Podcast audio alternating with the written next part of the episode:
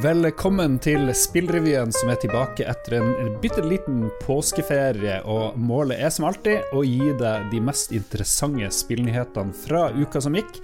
Gå bak nyhetene og prøve å finne svaret på det viktige spørsmålet hvorfor. Mitt navn er Lars Rikard Olsen, og her som vanlig med meg Jon Cato Lorentzen. Hvordan har påsken vært sørpå? Den har stort sett vært som hverdager, bortsett fra at uh, man ikke trenger å gjøre så mye jobbting. Mm, ja. Så det går jo ett. Det er jo det som er med isolasjon. Ja. Det er vanskelig å skille hverdag og ferie. Det er ikke noe tvil om det. Vi går rett på sak. Videomagasinet og podkasten Level Up har levd på brukerstøtte og kommersielle samarbeid etter at de forlot VG. Nå har de fått ytterligere støtte i form av 50 000 kroner fra Fritt Ord. Samtidig har de nådd en milepæl på Twitch, der de har oppnådd partnerstatus med alle godene det medfører. Vi tok en litt prat med Rune Fjell Olsen for å høre hva de tenker om alt det her. Ja, det har vært en veldig veldig hyggelig uke for oss, uh, dette her. Uh, vi, vi, har jo søkt om støtte hos Fritt Ord før. Da fikk vi ikke, men denne gangen så fikk vi da 50 000 kroner til videreutvikling av nyhetsmagasinet vårt, som er Spilluka. Vi søkte om mye mer, så nå må vi egentlig bare sette oss ned og finne ut hva hva den beste måten å bruke de 50 000 kronene er på. Jeg tror jo at det kommer til å gå til uh, studioinvesteringer. Kanskje leie av tid i et skikkelig studio eller noen sånne ting.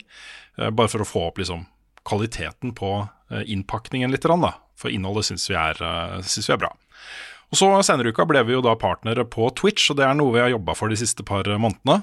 Um, det skal jo en del til for å bli partner på Twitch. Uh, ikke minst så må du streame ganske mye og ganske ofte og ganske lenge for ganske mange seere for å få det til i løpet av en måned.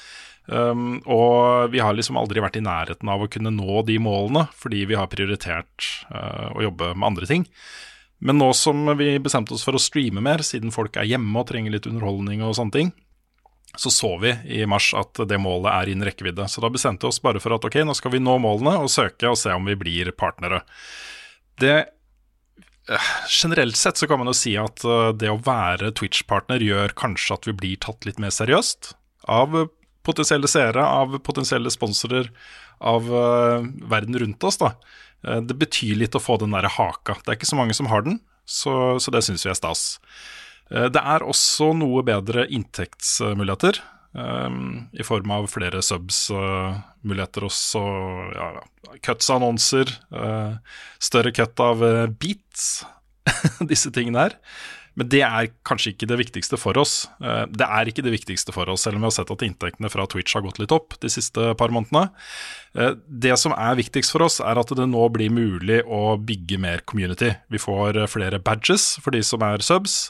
Eh, vi får eh, flere emotes folk kan bruke, og resultatet er liksom at det å være på Twitch-kanalen vår blir en mer sånn community-opplevelse, da. Men det aller, aller viktigste for oss er at vi kan levere bedre streaming-innhold når vi er partnere. Ehm, det er viktig for oss at eh, de som abonnerer, nå kan slippe annonser hvis de ikke vil se de. Det er nå 60 dagers lagring av streamopptak, mot da 14 dager for affiliates, som vi var før. Ehm, de som abonnerer, kan også justere streamkvaliteten, og det er garantert. Ehm, man kunne det også som affiliate, men da var det avhengig av hvor mye båndbredde det var tilgjengelig i Twitch-systemet til enhver tid. Alle som er partnere, eh, alle som er abonnenter hos partnere, vil kunne justere f.eks. ned streamkvaliteten hvis de har dårlig internett der og da.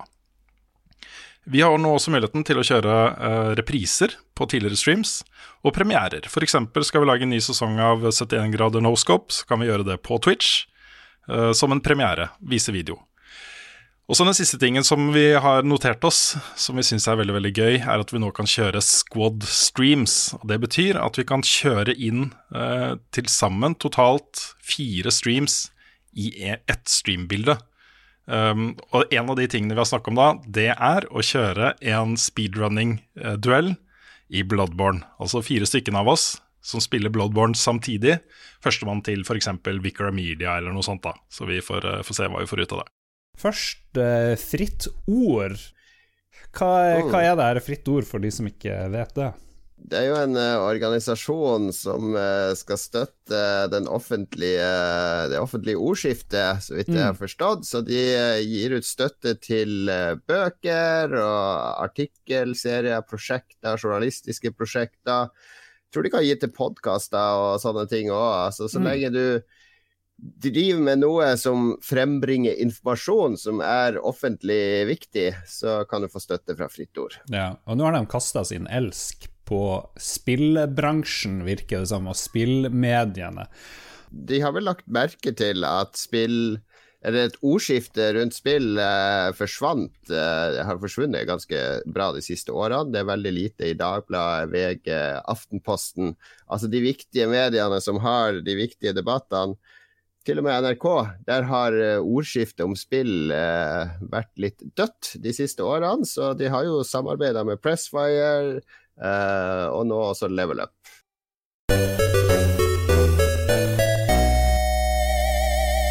Fire norske spill er nominert til Nordic Game Awards. Den årlige prisutdelinga hyller de beste nordiske spillene hvert år, og en fagjury har valgt ut uh, Mosaikk, Moons of Madness, Draugen og Degrees of Separation som nominert i ulike kategorier.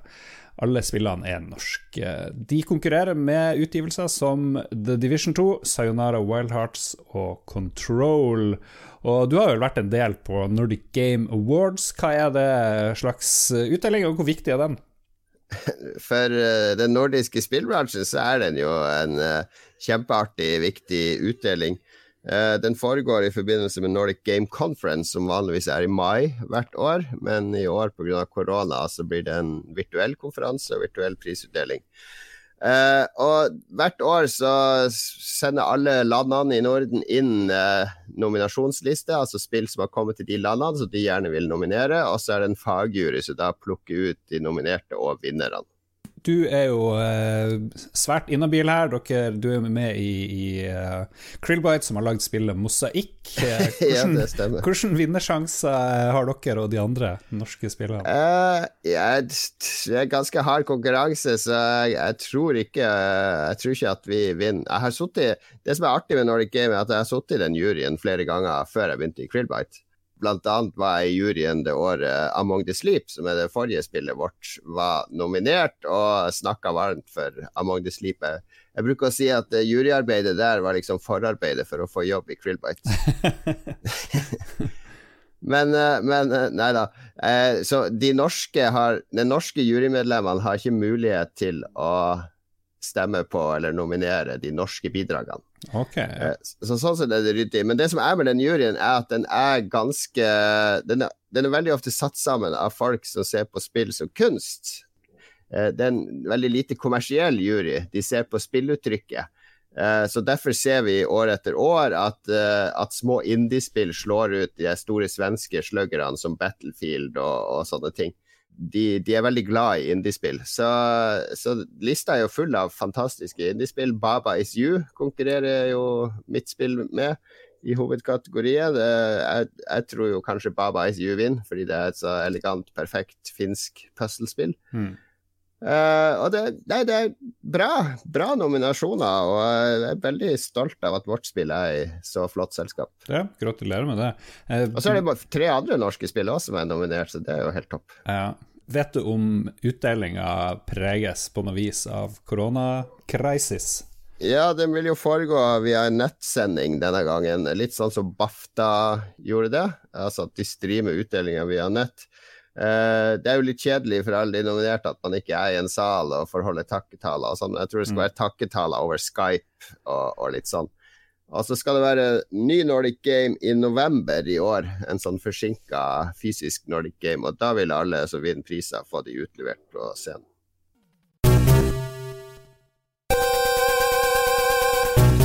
Animal Crossing fjernes fra nettbutikker i Kina etter at det er brukt av spillere for å sette oppmerksomhet på menneskerettighetssituasjonen i Hongkong. Spillet gir deg stor frihet til å lage din egen paradisøy, hvor du bl.a. kan designe kunst, bilder og klesmotivene sjøl. Og Hongkong-aktivistene har brukt de her verktøyene til å lage postere og slagord på øyene sine, som de har spredd via sosiale medier. Og Vi slipper jo ikke unna Kina, for det er jo verdens største spillmarked. Ja. Altså det, det er et helt gigantisk spillmarked, og det som skjer der, påvirker i stor grad resten av verden.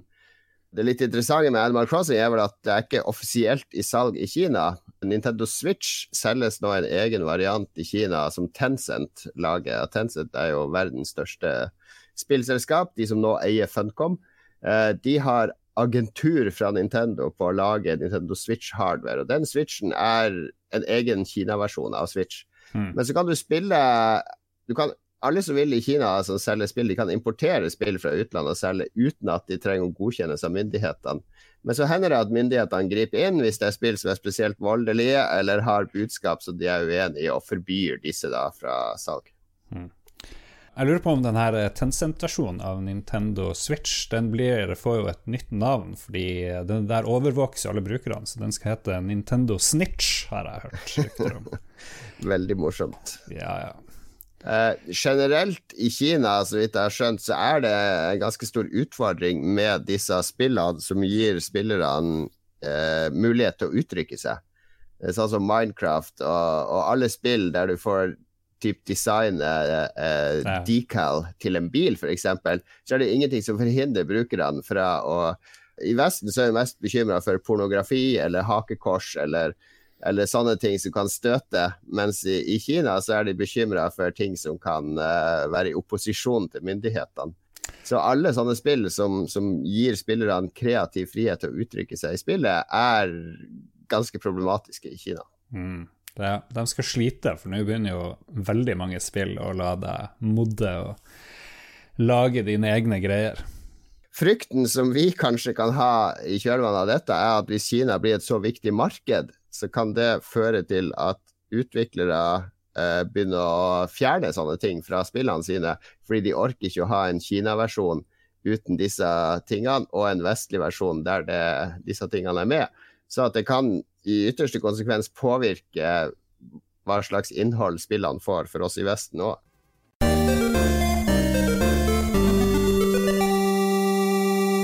Medietilsynet delte i forrige uke nye tall om barn og unges medievaner, og i aldersgruppa 17 til 18 år så spiller i dag 92% av alle gutter, mens 62% av jentene gjør det samme. Dette er opp fra 2018-undersøkelsen som viste at 41% av jentene i samme aldersgruppe svarte at de driver med gaming. Direktør i Medietilsynet Mari Welsern, sier at utviklinga kan tyde på at kjønnsforskjellene i dataspill er i ferd med å utjevne seg, og at det blir litt mer sosialt akseptert for jenter å spille. Hva det betyr for spillskapere og bransje og sånt, at er flere jenter som, som tyr til joystickene. Eh, Det er jo ikke bare i denne 17-18-årsgruppa det går opp, eh, det er i alle, alle nivåer, virker det som. Det har vi vært eh, bevisst på lenge, og før så var det jo sånn at eh, spillskapere stort sett var unge menn som lagde spill for andre unge menn, mens nå går det an å når, når vi nå lager nye spill, så definerer vi ganske klart hva målgruppa er. Om det ikke akkurat er spikka mot et kjønn, så er det ulike preferanser og spillpreferanser og hva slags type mennesker man tror kan være interessert i spillet. Så det, det er ikke så mye, for oss i hvert fall i Krillbite, så er ikke kjønn eh, så viktig. F.eks. I Among the Sleep, skrekkspillet vårt, så, så styrer du et lite barn, men vi har jo aldri sagt om barnet er en gutt eller en jente. Det er litt opp til spilleren å bestemme sjøl, og det er veldig mange eh, kvinner som er veldig glad i Among the Sleep. Vi har en ganske høy andel kvinner som spiller. Ja. De har også sett på hva slags spill jenter og gutter spiller. Eh, Fifa, Minecraft og Fortnite er populært hos alle, men spesielt hos guttene. Og så ser de at Minecraft og The Sims eh, er det en høyere andel jenter som spiller. Og det er jo interessant å tenke på hvorfor det er sånn. Hvor mye driver foreldrene og setter føringer for hva gutter og jenter skal spille? Vi vet jo at eh, noen foreldre gir kanskje enkelte barneleker eller typer klær til, til barna sine. Er det det samme som går igjen i spill? Det, det, er jo den gamle arv- eller genetikkdebatten eh, her. Eh, jeg husker Medietilsynet har jo hatt disse undersøkelsene lenge, også for 20 år siden. Så viste det seg at jenter foretrakk eh, eh, Sims og sånne type gudespill, altså der du bygger byer i gamle Rom og sånne ting. Der det ikke er konflikten som er i sentrum, men eh, det å bygge og skape skape noe. Det, det, kan jo være at guttene har eh, det primale jaktinstinktet, ikke sant? Det er derfor de skal ut og skyte i disse førstepersonsskytespillene, mens jentene har eh, dette hjeminstinktet med at de skal bygge et mm. sted der man kan ta vare på hverandre. Uh, hvis man uh, det, det, kan høres veldig feil ut i dagens politiske klima, men man skal ikke undergrave at det ligger genetiske preferanser i bunnen. Vi ser at eh, guttene har spilt flere 18-årsspill. Det overrasker meg ikke så veldig mye mer, i meget stor grad. Og så er det også gutter som bruker mye mer ekte penger på spill. For mange gutter så tror jeg gaming er mer en livsstil enn en, bare en hobby eller en distraksjon.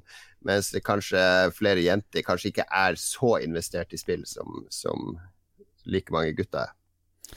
Til slutt så skal vi ta med at norske Pineleaf Studios, utvikleren av Dwarfheim, har signert en millionkontrakt med den britiske spillutgiveren Merge Games. Merge Games investerer i sluttinnspurten av utviklinga og internasjonal markedsføring. Dette er det første spillet fra Pineleaf Studios, og det er et nettbasert uh, samtidsstrategispill, uh, multiplayer. Vi har tidligere snakka med Linn Søvik i Pineleaf om problemer som korona har gitt utviklere. Er det noe som tilsier i dag at det er vanskeligere å få penger til spillutvikling? Har du noe, hørt noe der? Ja, det er flere utfordringer akkurat nå. For det første så er det flere selskaper som er mer eh, ustabile, fordi eh, fremtida er mer uforutsigbar. Så da, i stedet for å bruke budsjettet på utviklere og nye spill, så, så, kanskje de låser pengene litt mer ned for å sikre fremtida. Eh, det andre er jo at møteplassene er borte. GDC og de stedene der utviklere, utgivere, investorer vanligvis møtes og viser frem produktene til hverandre og porteføljer og, og, og får til avtaler, det, det finnes ikke lenger, så alt sånt må gjøres over nett. Eh, så, så det, er, eh, det, et helt nytt landskap å manøvrere seg i. Så jeg vil si at det er mer utfordrende. Ja. Det var det vi hadde i ukens spillrevy. Vi er tilbake mandag eh, om en uke. I mellomtida så kan du høre på Lolbua, som kommer hver onsdag i egen feed. Søk opp Lolbua, og du kan også velge å støtte oss på Patrion hvis du ønsker det. Patrion.com slash Lolbua. Der kan du gi penger som både går til Spillrevyen og Lolbua. Hver lørdag så er det DJ-sett med nevnte Jon Cato Lorentzen og familien. Gå på lolbua.no, så får du også bloggen eh, din. For all del. Gjør alt det. Har du noen gode råd til våre lyttere frem til neste uke? Uh, utforsk uh, spill store episke spill med store åpne verdener, fordi det har jeg gjort i det siste. Og uh, det der når du blir tvunget til å sitte mest mulig inne sjøl, så finnes det masse fantastiske virtuelle verdener som gir deg strålende naturopplevelser. Så spill store, omfattende, åpne verdensspill.